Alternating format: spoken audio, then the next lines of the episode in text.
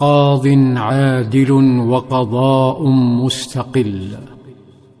التف المواطنون حول قائدهم صلى الله عليه وسلم غاضبين من هذا الغريب الذي بلغت به الوقاحة تكذيب نبيهم وبخسه حقه في دولته. لم يمسوه بسوء ولم يسجن. فلدولتهم الإسلامية نظام يكفل حماية حقوق المواطن والمسؤول وحتى الغريب.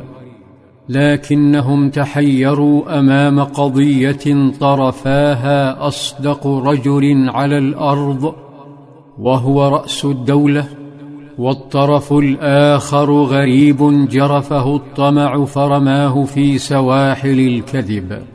كل الذي قدروا عليه هو لومه فقالوا ويلك النبي لم يكن ليقول إلا حقا فلم يبال الأعرابي بهم وظل يطالب قائدهم بالدليل ويقول هلم شهيدا يشهد أني بايعتك.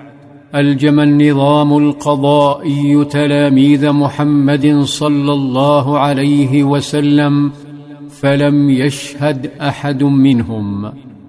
فأصبح الأعرابي تحت ظل القضاء العادل في حالة زهو وفجأة حطم زهوه صوت واثق. رجل اسمه خزيمة بن ثابت يهتف أنا أشهد أنك قد بايعته. التفت الناس نحوه حدقوا به وتضعضع الأعرابي. فالتفت صلى الله عليه وسلم إلى هذا الشاهد فأقبل عليه مستغربا. بل محققا. أقبل صلى الله عليه وسلم ليس فرحا بشهادته. بل اختبارا لصلاحية تلك الشهادة. فقال صلى الله عليه وسلم بم تشهد؟ فقال كلمة بحجم إيمانه إيمانه بوحي يهبط ليل نهار وبمعجزات يراها الناس وبقرآن معجز. فقال أشهد بتصديقك يا رسول الله. حينها جعل صلى الله عليه وسلم شهادة خزيمة شهادة رجلين. تعلم شعب الدولة الإسلامية معنى استقلال القضاء وأنه لا أحد فوق النظام في التشريع الإلهي. وهم يرون قائدهم ومؤسس دولتهم الإسلامية وقبل ذلك نبي الله يخضع لهذا النظام العادل ويطبقه على نفسه أمام غريب.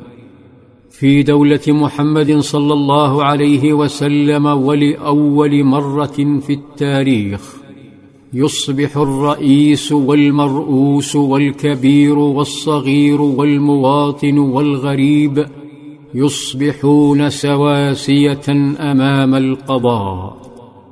كرس صلى الله عليه وسلم تلك القيم بأسلوب أرقى مرة أخرى وذلك حين اشترى للدولة بعيرا من أعرابي آخر.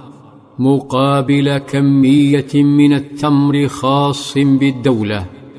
فأخذ صلى الله عليه وسلم الرجل ليسدد له. ولما دخل مكان حفظ التمر بحث عنه فلم يجده فخرج رأس الدولة إلى صاحب الجمل معتذرا منه وقال يا عبد الله أنا قد ابتعنا منك جزورا بوسق من تمر الذخره فالتمسناه فلم نجده غضب الاعرابي غضبا شديدا فقام بالتلفظ على النبي الحاكم ببذاءه واتهمه امام شعبه بالغدر صارخا وغدراه فإذا بالمواطنين الذين يفدون نبيهم بأرواحهم يقبلون كالبراكين غضبا.